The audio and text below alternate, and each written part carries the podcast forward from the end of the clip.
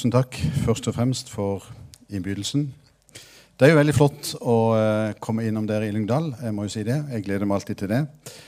Eh, og eh, du får se hvor tid du ble det også i Kristiansand. Men eh, vi skal jo ikke ha noe klippekort til taler her. Men eh, det har vært eh, utrolig bra også for oss i Kristiansand å stå sammen med Grete. dere har en veldig flott person i Grete, det må jeg bare si. Ja. Og hun holder veldig godt styr på eh, det, skal, eh, det, som hun skal holde styr på i forhold til samarbeid i Agder, og den posisjonen du har hatt også inn i de nasjonale sammenhengene. Så vi er veldig glad for at du holder så flott i det og på en måte drar oss med inn i det fellesskapet. Eh, vi var jo sammen på torsdag, pinsemenighetene i Agder, og vi hadde en flott stund sammen. Og lufta muligheten der på kan vi være enda mer eller kan vi gjøre oss enda mer nytte av nettverk i blant eh, pinsemenigheter på Sørlandet. Så vi får se hva det blir. Men eh, jeg tror vi eh, i tida fremover har behov for å knytte enda mer kontakt og stå enda mer sammen. For det at trykket utenifra, det bare øker. Og jeg ble jo litt flau da når det at du eh, plutselig nå sier at du eh, skal samle inn kollekt liksom til oss. Da Da blir jeg flau. Eh, det må jeg bare si. Men eh, vi får bare takke. Vi, eh, vi, står i mye i Kristiansand. Eh, mye går veldig bra. Eh, veldig grunn til å være takknemlig. Eh, men det er også en kamp. Det er også en åndskamp, og det er trykk. Og en merker det på, på mange plan. Eh, vi hadde en liten nedtur på forrige fredag, som jeg sa til Grete når hun var der inne. at vi vi trodde vi skulle få eh, støtte over statsbudsjettet til vårt rusomsorgsarbeid, fordi vi eh, fikk støtte også i 2018. Eh, og de hadde til og med sagt at vi skulle få Eller bevilgningen var enda større i 2019. men plutselig på fredag så fikk vi avslag på alt som vi hadde liksom lagt inn i budsjettet i god tro på at vi, siden vi var godkjent i fjor, at vi ble godkjent i år òg. Eh, så det var en liten sånn nedtur. Så på ei uke så fikk vi fire sånne avslag. Eh, både fra Kristiansand kommune, fra staten, fra noen banker og det ene med det andre. Så eh, det er jo litt av det trykket som en kjenner en, en, en må stå i. Og når en står i tro for noe, så, så er det av og til på en måte at Herren tester oss litt på mange ting. Så der er vi. Så tusen takk for at det var med å bidra nå, det var jo fantastisk. Det var jo langt utover det jeg hadde tenkt og drømt om. Men eh, en ble jo rik av å gi, så det er jo veldig lurt også. så vi må lære litt mer om det. Men det jeg hadde lyst til å dele med dere i dag, det er rett og slett at eh, eh jeg fikk ny bibel her for en liten stund siden, denne hverdagsbibelen. Kanskje mange av dere har den. Og For meg så ble det egentlig en åpenbaring eh, når versene bare ble skrevet på en litt annen måte enn før. Eh, så for ikke lenge siden, eh, ei uke eller to, eh, så satt jeg og leste en morgen. Og det er ikke så veldig ofte jeg streker under i Bibelen. Jeg gjør det jo innimellom. Men akkurat den dagen der så måtte jeg liksom fram med pennen syv ganger eh, og så streke under. fordi at det var jeg følte bare plutselig Jeg har kalt det et dypdykk og en åpenbaring i eh, bergpreken. Jeg har jo lest den utrolig mange ganger, men plutselig når det er skrevet litt annerledes, så får det en litt annen betydning. Og jeg skal prøve å dele med dere hva jeg fikk ut av den morgenen der. Det ene som jeg fikk ut av det, det var en ny vri når det gjelder dette å ha en, en bibeltroskap. Um, jeg tror mange av dere også, og vi i Kristiansand har vært veldig opptatt av at det er denne boka som skal bestemme for oss. Og så ser vi at det er utrolig mye angrep på bibeltroskap. Det jeg leste i uh, Matteus 5, det var Vær den, sier Jesus, som bryter ett av de minste av disse budene. Og hør hva han sier nå. Og lærer andre mennesker at det ikke er så nøye med dem, skal være den minste i Guds rike. Og når jeg leste det, så eh, tenkte jeg at uh, du verden hvor mange det er i dag som nettopp sier den setninga at det er ikke så nøye med hva som står i denne boka her. Og uh, uten åpenbaring uh, så og folket vil, sier Guds ord. og derfor så tenker jeg at Og jeg tror jeg kan si det at nesten hver gang jeg åpner Bibelen og skal lese, så er det ofte at Ikke hver gang, men en del ganger så legger jeg hånda på Bibelen og så sier jeg Hellig ånd, nå må du bare åpenbare det som står her. For du kan lese og lese og ikke forstå, men Den hellige ånd kan virkelig gi noen åpenbaringer i Guds ord. Og eh, når eh, jeg leste litt videre på det samme avsnittet, så står det Men vær den som virkelig tar sitt trosliv på alvor og lærer andre å gjøre det samme, han skal være stor i Guds rike. Eh, og hvorfor ble døperen Johannes halshogd? Jo, bl.a. fordi han turte å tale rett om Guds ord. Eh, mange andre hadde kanskje tanke på den tida at det er ikke så nøye. Eh, men døperen Johannes eh, tok tak i den saken med Herodes, som levde sammen med broras, sin brors kone. Og så ser en at Jesus roser Johannes på at han er den største som er født blant kvinner. Han tørte å ta Guds ord på alvor. Og tørte virkelig å ta sitt eget trosliv på alvor. Og vi blir pressa på alle kanter i, uh, i, disse dager her. Absolutt alle kanter, føler jeg.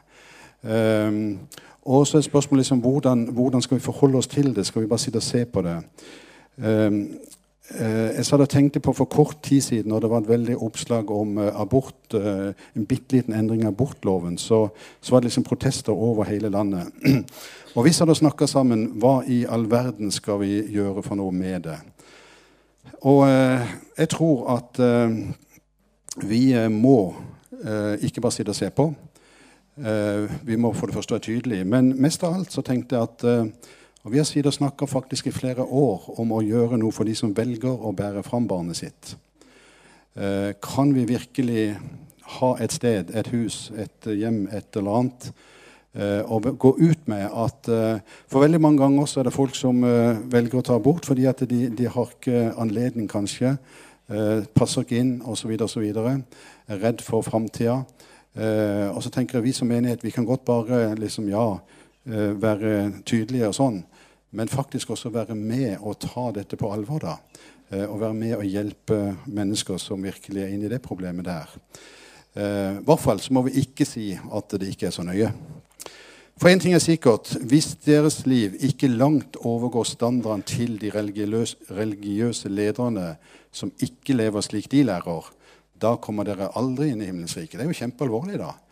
Eh, eh, hvis dere ikke hvis deres liv langt overgår standarden til de religiøse lederne som ikke lever slik dere lærer, da kommer dere aldri inn i himmelens rike. Eh, så jeg blir eh, Hva skal jeg si for noe? Jeg blir eh, frustrert. Hellig frustrert. Hellig vred er jo noe som heter. Så jeg vet ikke hva jeg skal kalle det. Men hver gang jeg leser liksom noe om eh, skapelsen eller andre ting ikke sant? Jeg leste senest i dag nyhetene om en, om en fugl som de mente var utrydda, eh, og som plutselig hadde dukka opp igjen. Uh, og så sa de det at ja, evolusjonen hadde klart å gjenskape akkurat den fuglen så tenkte jeg Ja, som regel så sier de at det tar millioner av år. Men akkurat i dette øyeblikket så tok det liksom bare noen få år, så var den i fuglen på. Så hadde den lært seg alle de triksene som uh, var utdødd. Og jeg tenker Når jeg leser sånne, ting, så tenker jeg er det ingen som skjønner noe som helst. Uh, og så har vi Og jeg har også på en måte hatt litt sorg, uh, det høres kanskje rart ut, over klimadebatten.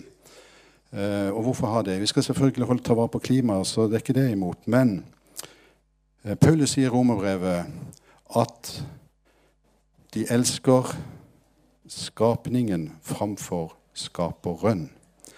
Så folk vil gjerne ha det Gud har skapt, men det vil ikke ha noe med Han som har skapt det. Og Det er liksom nesten merker en sånn forførelse i dag. At uh, de hyller naturen, men de tar helt avstand fra det det er Gud som har skapt alt som er lagt ned der. Eh, så jeg tenker at i den grad vi kan ha bibeltroskap og ta det som det står, og virkelig leve etter det, da sier Guds ord her at eh, da blir vi de største i Guds rike. Og vi blir de minste hvis vi sier at ikke det er så nøye. Strekk det langt, da, står det et lite avsnitt om i eh, Bergpreken. Matteus 5, 38. Det er blitt der forkynt at dere skal gjengjelde ondt med ondt, ett øye for ett øye, en tann for en tann. Jeg sier, blir du slått på det høyre kinnet, så skal du også vende det andre til. Og så kom det bare ei lita setning som jeg ikke hadde lest før, før jeg leste den her. Vis styrke og ta ikke igjen. Og du vet, det er jo, Når du leser litt videre, så er det jo nokså uh, tøft. da. Dersom noen vil saksøke deg og ta noe fra deg, skal du la ham få mer enn han ber om. Jeg må jo si, jeg kjenner jo litt på det sjøl av og til. Hvis noen har liksom lurt eller prøvd å lure, ikke sant, og så skal du i hvert fall sette en stopper for det, eller du skal liksom ta igjen litt. Uh, men eh, hvis noen lurer deg, så sier Bibelen at du skal gi en enda mer. Og det er jo uh, utrolig En merker jo det at den ånd som er fra himmelen, den er jo totalt annerledes enn denne verdens ånd. Men du verden, hvis du prøver, hvis du prøver å gjøre det, så skal du se at det skjer noe spesielt. Uh, de lurer deg ikke en gang til, da. Det kan jeg love. Hvis de blir møtt med godhet, og Bibelen har jo en sterk oppfordring om å møte hverandre med, motsatt, med en motsatt ånd. Um, og Jeg har hørt mange historier jeg skal ikke dra det, men jeg har hørt mange historier om folk som virkelig har klart å overbevise en nabo eller en eller annen om Guds rike nettopp ved ikke å ta imot. Jeg hadde en bitte, bitte liten sånn uh, uskyldig greie her for noen år siden. Vi bodde et sted med bitte liten hage, men det var et uh, høyt tre. og det treet det sto på, på vår eiendom, og det skygga for sola. Så en dag så tok jeg kontakt med en kamerat og så sa vi vi hogger ned det treet. Og når han starta motorsava, så, så, kom bare naboen på den andre sida i vinduet og var ikke spesielt blid. Fordi at hun følte at det ble mye innsyn da til den sida. Vi var skjemma av at vi fikk lite sol. Og naboen ville gjerne ha litt høye trær for å, at ikke vi skulle se inn. Uh, og vi hadde liksom akkurat fått begynt å skjære av en eller to greiner, men vi, vi stoppa. Men jeg merker at selv om vi bare hadde skjært av to greiner, så var vi ikke helt blide. Og du vet, da, da, kan du liksom bare Ja, nå skal du få igjen, og liksom sånn. Men jeg, jeg sa til Herren du må gi meg en anledning til å, å møte henne på, på en annen måte. Og uh, tida gikk litt. Det ble vinter, og plutselig da som det hadde snødd veldig mye, brøytebilen hadde kommet. Hun hadde garasje, og brøytebilen hadde lagd ei svær fond foran hos sin garasje. Uh, hun var enslig dame, bodde i det huset der, og så tenkte hun uh, jeg bare tar fart og så kjører over den. Men det er jo ikke alltid du klarer det, så hun ble hengende på den der fonda. Så bilen kom liksom ingen vei. Og det så jeg. Og så tenkte jeg nå har Herren gitt meg en sjanse til å få et godt forhold til den naboen. Så jeg gikk ut og skuffa det fram og, liksom, og skudde og, og kom av gårde. Uh, og jeg kunne jo ha gitt blaffen ikke sant, og sagt at uh, ja, men uh, siden du var så hissig nå, så får du bare ha det så godt. ikke sant? Det, det er jo ofte den vi tar litt. men jeg tror Herren gir oss noen sånne små muligheter til å strekke oss langt. Og, og Guds ord sier her at la de få mer enn de ber om, hvis du har noen. Om noen ber deg om å bære hans byrde ei mil, så gå to mil. Gi til dem som ber deg, og vær ikke vrang mot dem som ønsker å låne noe av deg. Og jeg må si, når jeg leste den der siste setninga der, så hadde jeg akkurat fått en mail fra Stefan Kristiansen av Jesus Revolution. Eh, hvor eh, han skulle sende en hel masse ungdommer til Italia. Eh, og pga. terrorfaren skriver han, så hadde Italia satt så strenge regler på å drive evangelisering og samle menneskemasser at uh, de måtte uh, bestille politivakt og masse masse ting på sikkerhetsopplegg på de arrangementene de skulle ha. Og alt dette kosta 450 000. Og ungene sto klar til å, å reise. og jeg vet ennå ikke åssen det går. Men han spurte oss om lån. Pga. alle de avslagene vi hadde fått, så hadde vi ingen mulighet. Eh, vi kunne ikke gi vekk andres penger. Men jeg kjente når jeg leste det Jeg må sende litt privat. Det har jeg ikke sagt til Bodil. Nå sier jeg det. Jeg turte ikke å si det. Det er alltid lettere å si det på talerstolen. Eh, men jeg, jeg bare kjente at eh, Guds ord blir så levende. ikke sant? Du kan ikke bare lese en sånn setning, og så bare hoppe videre. Og nå leser vi neste kapittel. Så jeg kjente denne morgenen at uh, Guds ord uh, ble, det ble liksom en sånn dypere mening bak alle disse ordene her. Uh, og jeg skal gå litt videre. ha rett fokus, da. Og det, kjære Jesus, det er noe som vi kanskje sliter med alle sammen. Bruk ikke livet til å samle skatter her nede på jorden, hvor ting blir gamle, møllspiste og rustne, og du kan bli frastjålet alt du eier. Husk at det, det du velger å samle skattene, der du velger å samle skattene dine, der vil også og hør nå, nå, oppmerksomheten din, interessen og kjærligheten din være. Og det er jo så sant, som det er sagt. Men hadde jeg hadde ikke sett det akkurat så konsentrert da. At min oppmerksomhet, min interesse og min kjærlighet vil være der jeg har pengene mine. Og hvis jeg aldri har pengene mine i Guds rike, så vil ikke interessen min være der. Da vil han være på alle tingene rundt. Og det kan være hva som helst. Men jeg bare merker at uh, det er en utrolig dimensjon i å søke Guds rike først. da.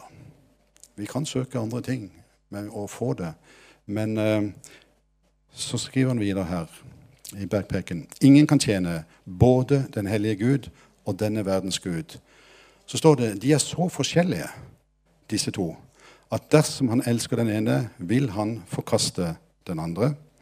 Og videre det er ikke mulig å samtidig tjene både materialismens Gud og himmelens Gud. Tidligere så sto det Gud og mammon, og da er det litt lettere å hoppe over det, for du skjønner ikke hva mammon er. Men, eh, men når jeg leste det på nytt igjen, at det ikke var mulig å tjene både materialismens Gud og himmelens Gud, eh, for de er så forskjellige. De drar deg i to vidt forskjellige retninger. Uh, og Spørsmålet er liksom når du står i disse veikryssene her, liksom, hvilken retning vil du gå? Uh, og hvilken, en, hvilken, ende er det på den veien som du da går inn på? Fristelser. og jeg kunne ikke dy meg for å slenge opp en softis. For når vi har bestemt oss for å slanke oss, så kommer det opp et bilde av en softis. men men det er noe langt mer alvorlig eh, bergprekende som jeg skal vise nå. Eh, og Det er en slange, og det er bilde av en kvinne. Og Der står det sånn Dere har hørt det sagt i generasjoner. Du skal ikke ha sex utenfor ekteskapet. Men jeg sier det, den som ser på en kvinne og ønsker å ha sex med henne, har allerede syndet mot henne i sitt hjerte. Og dersom din høyre hånd frister deg til å synde, så hogg den av og kast den fra deg. Og så kom det bare sånn en kort setning eh, som jeg måtte streke under. Og det var følgende Kvitt deg med det som leder deg til fristelse. Kort og godt. Kvitt deg med det. Og eh, det er jo kanskje vi menn da som eh, blir mest utsatt for eh, den, dette verset her.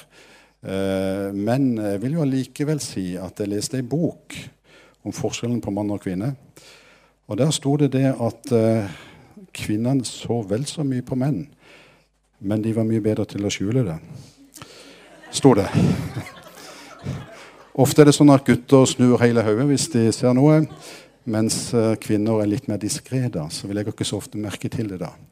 Men jeg hadde bare lyst til å si det, fordi at uh, for noen eh, år siden så hadde jeg en telefonselger som var etter meg gang etter gang og skulle selge meg noen TV-kanaler. Og han liksom frista med sportskanaler og alle slags mulige kanaler.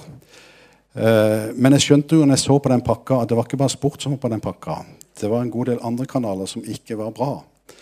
Eh, og jeg ville ikke ha det inn i stua. Eh, så jeg sa nei. Og så ringte han igjen og sa du skal få det mye billigere. Jeg har lagd en spesialpakke til deg. liksom. Og så hadde han satt ned prisen. og så, Nei, jeg vil ikke ha det. Og jeg tror han ringte tre ganger og skulle liksom absolutt til å ha meg inn alle disse kanalene. Eh, heldigvis så klarte jeg å si nei. Eh, men det er så lett å få ting inn som gjør at eh, du blir frista. Eh, og når jeg leste denne korte setninga her i denne nye oversettelsen Bare kvitt deg med det. Kvitt deg med det som leder deg til fristelse. Og så kan det være mange ting som på en måte trenger ikke være akkurat dette emnet her, men det kan være andre ting òg som vi rett og slett kan unngå. Og jeg har faktisk hatt en bønn nesten helt siden jeg var ung. Jeg har bedt mange mange ganger at uh, Herren må bevare meg fra å komme i situasjoner hvor jeg blir frista. Um, og det, det, tror jeg nesten jeg kan si at Herren har bevart meg fra. At ikke det har vært noen sånn uh, type situasjoner hvor, uh, hvor jeg har blitt frista over ende. Så allerede der går det an å be om at Herren setter en beskyttelse på vår vandring. Du skal ikke slå i hjel. Og du kan si der, der er vi jo ikke så veldig frista til å slå i hjel. Det er jo ikke mange her som går med kniv i lomma og holder på. Men jeg må si, jeg måtte streke under noe her som var faktisk som tok meg noe skikkelig. Og du skal få høre hva som tok meg.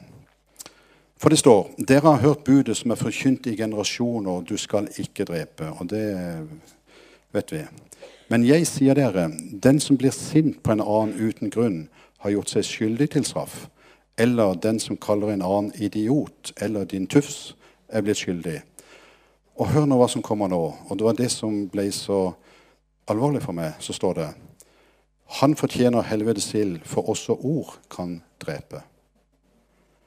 Og plutselig så skjønte jeg at uh, du verden for en betydning da i dette verset her. For det begynner med at du skal ikke slå i hjel. Og så tenker han ja, da kan vi hoppe over dette verset. Men så sto det plutselig at uh, du fortjener helvetes ild hvis du har latt ord drepe noe. Og vi hadde i Kristiansand en uh, gutt som ble frelst uh, fra et sånt en bydelsarbeid som vi hadde. Og han, når han var kanskje ti år eller junior, eller et eller annet sånt, og jeg la ikke merke noe spesielt med denne gutten på mange, mange, mange år. Helt til vi skulle ha en evangeliseringskampanje i Amsterdam et år. Og det var eh, noen hundre ungdommer, for vi hadde det sammen med noen andre menigheter. og denne gutten, han var med. Også i fritida der så skulle de ha en liten, sånn, liten fotballkamp i en, i en park der. Eh, midt på sommeren og osv. Og, og når de skulle til å gå i gang med denne fotballkampen, eh, så spør han om oppmerksomhet, denne gutten. Da var han blitt eh, 22, kanskje, eller noe sånt. Ganske godt voksen. Uh, og han hadde kledd på seg fotballtreningsdrakt og sånn. Uh, men plutselig så tok han av seg denne, denne buksa og hadde shorts under da. Og så sier han følgende Det er første gang på jeg vet ikke om det var 10 eller 15 år at jeg har gått i shorts. Og så sier han det at uh, jeg spilte fotball hjemme um, der jeg bodde. Så var det ei annen mor eh, som sto og så på. Og så sa hun bare ei setning. Og setninga var 'Så tynne bein du har'. Og han ble så tatt og fikk så komplekser for at han hadde tynne bein at fra den dagen av så gikk han aldri i shorts. Og dette hadde bundet han da i eh, alle disse årene. Og så var det jo sånn utfrielse for han å kunne liksom bare ta et oppgjør med det. Og jeg tror de var helt normale, for å si det sånn, så det var ikke noe spesielt med den gutten. Men bare liksom ei setning som selvfølgelig ikke mora tenkte tenkt noe på. Men det hadde nesten drept den livsgleden han hadde med å spille fotball. Og så tenkte jeg liksom Hvor mange ganger er det ikke også for oss at vi slenger ut et eller annet i veldig sånn Hva skal jeg si for noe? Eh, uten å tenke oss om. Eh, og så kan vi faktisk finne ut at eh, noen kan nesten gå vekk fra troa fordi at vi har uttalt oss så dumt om noe, et eller annet. Vi hadde en eh, eh, i, i, går, går kveld eh, så hadde vi en tur oppe på, på Fredheim. Fordi at vi skulle lage en sånn eh, kveld hvor vi skulle mimre på at vi hadde vært med i en gutteklubb når jeg var 13 år. Ehm, så vi hadde en sånn mimrekveld eh, ti år til Eller ja, den, ja, Jeg tror den klubben varte i 10-15-20 år. jeg vet ikke. Men vi hadde skrevet brev til 70 eh, stykker som hadde vært med i den gutteklubben. Og invitert til, ja, til, en hyggelig dag. Og jeg skulle egentlig overnatte, så jeg skulle egentlig overnatte der, men jeg skulle jo her, så jeg slapp å overnatte på Fredheim. Men eh, saken var at vi begynte å sitte og snakke litt om eh, denne vandringa hver enkelt hadde hatt oss. Eh, våre søsken og litt eh, familie og litt sånn. Og, og, du vet, Det dukker jo opp en del historier da, for 50 år siden. Um, og dessverre så la jeg jo merke til at når jeg spurte liksom, ja, men, uh, hvor er din søster hen, hvor er din bror, og en dessverre sa at uh, min, søster sa han slutta å gå i Filadelfia da hun var tolv år. Ja, hvorfor det? Jo, for hun fikk ikke lov å gå i bukser på møte. Og da bestemte hun at hun fall ikke gå i den menigheten. Så tenker jeg ei setning har kanskje drept et åndelig liv hos ei tolv år gammel jente. Og Derfor siktes inn på meg når jeg leste denne her, her. Også ord kan drepe. Du verden og forsiktige vi bør være. Ikke del alt med alle var et annet avsnitt. Eh, Matteus 7, 6 og litt videre. Ikke del det som er hellig for deg, med hvem som helst. Folk kan komme til og tråkke på det. Det er som å gi noe hellig til hundene. Dere vet at det finnes mennesker som vil latterliggjøre det dere står for. Og du vet, Noen ganger er det litt lett å være litt, sånn, litt for frimodig i, i mange sammenhenger. og, litt sånn. Men jeg har også lært meg at det er en timing for å si ting. Um, og jeg sa til Herren når jeg fikk mitt uh, pastorkall i 1992, da jeg var 37 år gammel, at uh, jeg skal ikke si det til noen. Um, for jeg visste på en måte, jeg skjønte på en måte at timinga for å bli pastor i vår menighet i 1992 ikke var der. Uh, for vår menighet hadde aldri kalt noen pastorer uh, uh, innenfra. Vi hadde alltid liksom ringt rundt til andre menigheter og prøvd å kape noen andre som tjenestegjorde andre plasser. Og jeg skjønte at hvis jeg skulle si at jeg hadde fått et kall der når jeg var 37 år gammel, så tror jeg kanskje jeg ville blitt latterliggjort. Jeg var en vanlig bankmann som ikke hadde på en måte Jeg hadde ikke talt noen gang i, eh, i menigheten vår. Hadde vært aktiv og hadde leda møter og leda lovsang og det der med andre, men jeg hadde ikke, hadde ikke talt da. Så jeg sa til Herren at uh, jeg kommer ikke til å si til noen. Uh, og i uh, fem og et halvt år, nesten seks år, så holdt jeg kallet helt innabords. Sa det ikke til noen. Så jeg sa til Herren at uh, du får bare åpenbare det hvis det skal bli det. Og så var det en lang historie på hvordan det skjedde, og jeg har ikke tid til å fortelle den. Men etter nesten seks år så sier Herren uh, I dag må du si det. Og Det var veldig spesielt. Jeg skulle i en samling med, med, med, andre ledere, og vi hadde en situasjon i menigheten hvor, uh, hvor vi egentlig var veldig på jakt etter en ny pastor. Og vi hadde allerede på forhånd invitert syv andre til å prøve brekket, men alle de syv hadde sagt nei. Eh, så vi hadde nesten gitt opp den der liksom, runda der. Eh, så når jeg kom på det møtet der, så var det en utrolig spesiell eh, dag. For jeg visste at etter seks år og holdt dette stille, så sa Gud at nå er timinga til stede. Nå skal du si det. Og jeg sa det. Og i løpet av noen få runder der eh, så ble det vedtatt. Men jeg tror at hvis jeg hadde sagt det før, så hadde jeg kanskje liksom kasta bort og skusla bort og fått mye trøbbel og mye ting og tang. Eh, fordi at det var for tidlig å si ting. Eh, så noen av disse åpenbaringene en får Noen ganger så må en bære det sjøl i hjertet over tid. Eh, andre ganger så kan det kanskje være at en skal si det fort. Men eh, pass allikevel på hvem du sier det til. At det er noe som virkelig du har tillit til, og som bare ikke fleiper det vekk. Eh, for noen kan bli veldig skuffa hvis de kommer til et lederskap og sier at de har en eller annen tjeneste, og så, og så er det ikke modent nok, og så avfeier vi det. Eh, jeg tror det er en himmelsk timing for å dele ting vi har opplevd med Gud. Den som tar initiativ, da, står det også noe om i bergprekenen. Eh, først så står det denne kjente setninga Matteus 7,8. For hver den som ber, han skal få. Og det var det var en gang jeg leste ikke denne bibelen da, men det var en annen gang jeg leste denne setninga. Og så var jeg så kjent med det som står i Matteus 7, 7 og 7, 8. I Matteus 7 så står det ja, be så skal du få, let så skal du finne osv. Men når det kommer til 8, da, så står det plutselig i eh, presens for hver den som ber, han skal få. Og jeg var inne i fase i livet hvor Det er en stund siden. Hvor jeg følte at uh, mine bønner har vært sånn at uh, liksom jeg hadde bedt ti minutter på morgenen. Ikke sant? Altså bedt i fortid.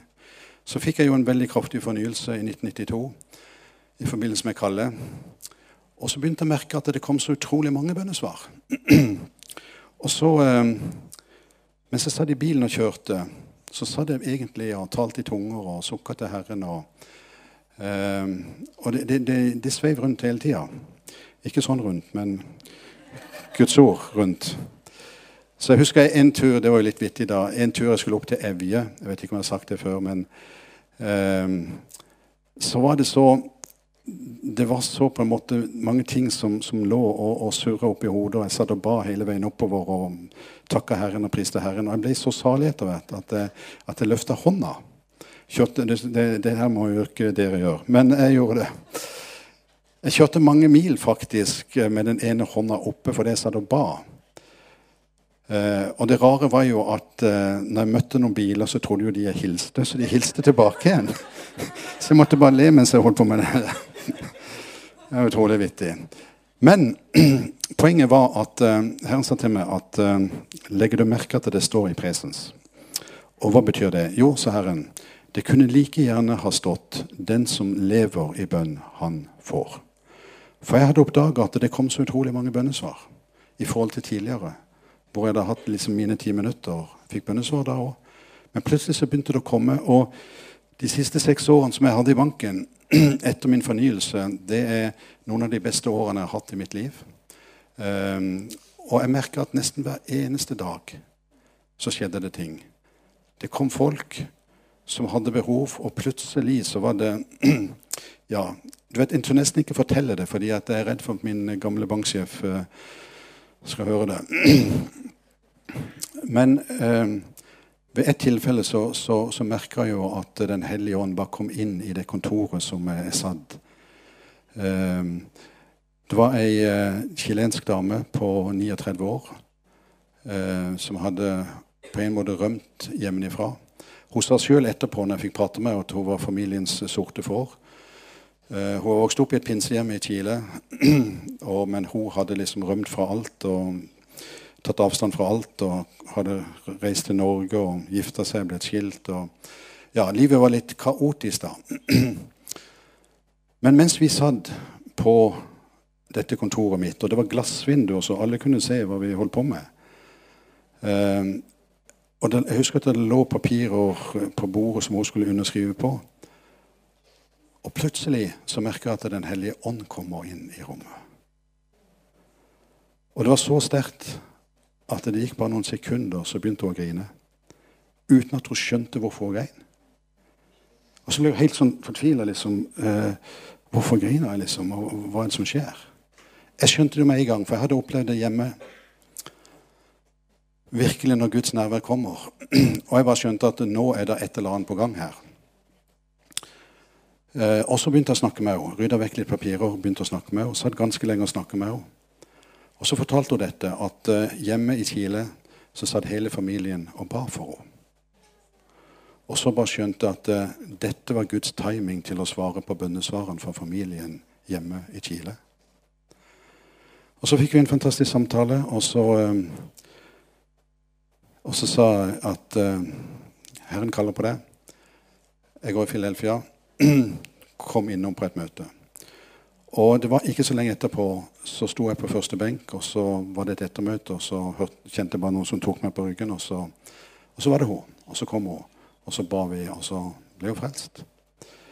Um, hvorfor kom det bønnesvaret, da? Og hvorfor ble jeg involvert i det?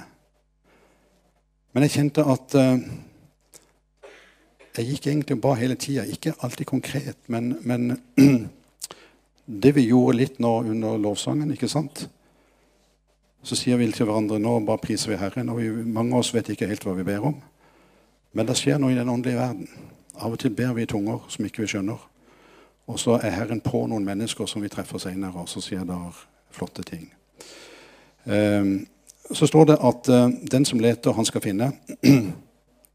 Veldig ofte så vil jeg si at uh, når vi ber, så ber vi om å få noe. Men når vi begynner på punkt to her, så begynner vi å lete etter en relasjon med Gud som er helt annet. Du begynner å lete etter Han som gir bønnesvar. Og du er ikke bare egoistisk i tanken på å få noe sjøl. Og punkt tre den som tar initiativ og banker på, skal det bli åpna opp for. Og det er jo herlig, da, med disse løftene. Men dessverre så hopper vi over disse versene noen ganger. Og min opplevelse var at eh, Gud viste meg et syn. Eh, en lang korridor opp mot himmelen. Ikke ei trapp, men det var egentlig en korridor så det var det som er mest ligna de bildene jeg så.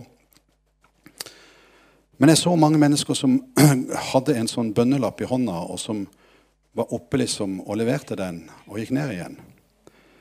Men så var det akkurat som jeg så at uh, på vei ned liksom, så var det altså det her var en korridor, og så var det noen dører på denne korridoren. Og på denne korridoren så um, så sto det navn på disse dørene.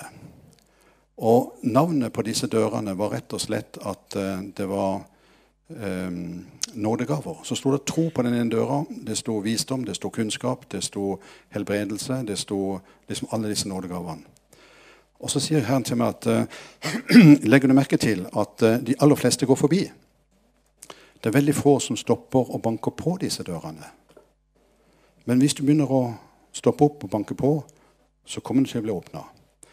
Der og da så bestemte jeg meg for jeg skal stå og banke på dør av nådegaver. Og jeg tror jeg kan si at uh, i to år uh, så ba jeg nesten hver eneste dag åpne opp en av disse dørene. Og det var utrolig herlig i 1994, kanskje, eller 5. Uh, så ble plutselig ei dør åpna. Og det var en profetisk dør. Plutselig, for første gang i mitt liv, så så jeg en hendelse foran meg som jeg ikke kunne ane noen ting om. Eh, og det var noe jeg måtte si til en person. Jeg har ikke tid til å fortelle hva det var. Eh, men det var en utrolig spesiell opplevelse. Og det stemte 100% det jeg så. Og siden så har det vært mange sånne ting som har vært der. Det har vært en åpen dør. Og så sier Guds ord at uh, søk med iver etter de åndelige nådegavene. Men mange av oss er kanskje bare opptatt av et bønnesvar. Og så, så, står vi ikke der og banker på, men løftet er at det skal bli åpna opp. Veien til livet skal skynde meg nå. For den brede veien som de fleste går på, fører til fortapelsen, og det er altfor mange som velger den. Skal du finne den virkelige veien, eller virkelige livet, må du gå gjennom vanskeligheter og utfordringer. Men få er de som finner og velger den riktige veien. Og det er jo dessverre kanskje litt øh, Ja, hva skal jeg si for noe? Vi, øh, vi vegrer oss litt for å gå inn på den der smale veien og den trange porten. Og jeg la merke til at det står i den gamle oversetten altså den, den trange porten fører inn til livet, faktisk ikke himmelen. Og for meg var det sånn at uh, når Herren kalte meg, så følte jeg at denne veien ble smalere og smalere og porten trangere og trangere. Og jeg kunne egentlig ikke få noen ting med meg inn i den porten. Jeg visste at livet lå på baksida, men det var så trangt at jeg måtte på en måte si fra meg mange ting. Vi måtte si fra oss huset, vi måtte si fra oss jobben, vi måtte si fra oss båten, vi måtte si fra oss det ene og det andre. Jeg kjente det ble liksom trangere og trangere. Men jeg visste at eh, livet lå på den andre sida. Og det siste stadiet i min omvendelse der, det var at uh, Herren viste meg denne elva, hvor, uh, hvor, det til slutt står at uh, hvis du kaster deg ut i den elva, denne strømmen i Esekiel, så er det liv og sunnhet på alle sider hvor elva fører deg. Så jeg visste at hvis jeg slipper alt dette, så vil det være liv og sunnhet overalt hvor Herren og Den hellige ånd leder. Og det har det i sannhet vært. Eh, veien inn i Guds nærhet. Nå har jeg bare den og en til igjen, så stopper vi. Se, jeg sender min budbærer døperen Johannes, og han skal forberede, sier han, veien inn i min nærhet. Et fantastisk uttrykk. Han skal forberede veien. Fra døperen Johannes dag og fram til nå vil himmelens rike bli stadig mer synlig. Folk skal søke Gud og oppleve en smak av himmel i sine liv. Og jeg tror faktisk dere her i Lyngdal har begynt å få en smak av himmelen. Den eh, bønnevandringa dere har hatt her, den er ikke forgjeves. Du får en smak av noe eh, som på en måte blir så viktig at den begynner å sette til side veldig, veldig mange andre ting. Og Det siste jeg vil si til dere, det er hvordan venter vi? Um, og um, Dette var ikke akkurat bergpreken, men det var et annet vers som jeg hadde lyst til å dele dere helt til slutt. For det har blitt så betydningsfullt for meg. Det står Sion sier, eller noen steder står det Jerusalem sier, Herren har forlatt meg, Herren har glemt meg. Neste vers. Kan en kvinne glemme sitt dine barn og en omsorgsfull mor til barnet hun bar? Selv om de skulle glemme, skal jeg ikke glemme deg. Og så kommer neste vers igjen. Se, jeg har tegnet deg i mine hender. Dine murer eller dine utfordringer står alltid foran meg. Og når jeg leste det verset der, så kjente jeg at Gud stilte meg noen spørsmål. I hvilket vers vil du oppholde deg? Vil du oppholde deg i vers 1, hvor du er deppa, nede, Herren har glemt meg, jeg får aldri noe bønnesvar? Eller vil jeg oppholde meg i vers 2 og 3 her? Og plutselig så for meg at uh, den reelle Altså Det er jo Herren som sjøl sier 'Se, jeg har tegnet deg i mine hender'.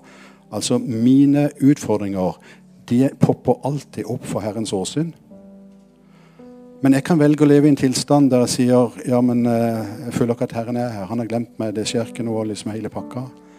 Og jeg må si at de siste ukene så har det vært en enorm åndelig disiplinøvelse for meg å oppholde meg i det siste verset. Og, og være der at uh, det var mange ting jeg skulle kjent at Herren hadde løst ut. Jeg sto i et annet bønnemøte og fikk dette ordet 'se det ikke rådvill omkring'. Og Så sa Herren også til meg der du kan velge nå om du vil prøve å lete etter løsninger, eller du kan bare legge det vekk. Og Der og da så tenkte jeg ok, hvis jeg ikke kan finne på det sjøl, så får jeg bare legge det vekk. rådvill. Og Da var vi også inne i en litt knotete tid på økonomi. Og så fikk jeg en utrolig rar opplevelse skal slutte med det. Det var at uh, i februar i fjor så begynte Gud å minne en bonde hen på Jæren om at han skulle besøke uh, bønnelederen vår i Kristiansand. Men han turte ikke å ta kontakt, så han drøyde og drøyde og drøyde. og drøyde. Så i november i 2018 så får jeg plutselig en mail. Og så sier han det at uh, Herren har minnet meg på at jeg skal ta en tur til Kristiansand. Jeg vil gjerne snakke med, med bønnelederen og det viste seg at han gikk og bar på et kall om å bli pastor i en, i en annen menighet. En liten, liten menighet på Jæren, ikke pinsemenighet. Han kommer, blir med på et bønnemøte, han og kona. Vi velsigner de, vi ber, det skjer mye. De reiser glad hjem. Men vår bønneleder var ikke, uh, var ikke det stedet han var bortreist, så han ringer på nytt igjen til meg og sier kan jeg komme en gang til. Uh, så kommer han i uh, januar-februar i år. Er med på et nytt bønnemøte. Eh, når bønnemøtet er ferdig, så drar han opp en konvolutt med en, et hvitt ark. Så står det bare eh, to linjer. Så står det 'Vår menighet så og så har beslutta å gi Philadelphia Kristiansand 100 000 kroner'. Så ble jeg jo helt sjokka. De var ikke mer enn 30-40 medlemmer i den menigheten der. Så sier han etterpå at eh, jeg vil også ta med meg familien. Han hadde to barn og kom ei tredje gang. Han kommer ei tredje gang i mars eller april. Tid det var. Etter et nytt bønnemøte drar opp en ny konvolutt med nye 100 000. Så tenker jeg Hva i all verden? Men kort tid før det så hadde jeg stått og sagt Se det i alternativet talt, se det ikke rådvill omkring. Og så ble jeg så imponert av Herren at uh, når han så at vi hadde litt trøblete timing med økonomien i, uh, i mars-april, så begynner han å jobbe med en bonde ett år før. Og det var jo det som imponerte meg så, her, så var allerede da mine murer foran Herren. For ett år før problemet kom. Og det gjorde meg så utrolig tillitsfull til Herren. Vi sang jo sanger her også om det, at han aldri svikter og aldri forlater. Men også dine murer som sitter her, de er alltid foran Herrens åsyn. Du kan kanskje ha opplevelser at Herren har glemt det.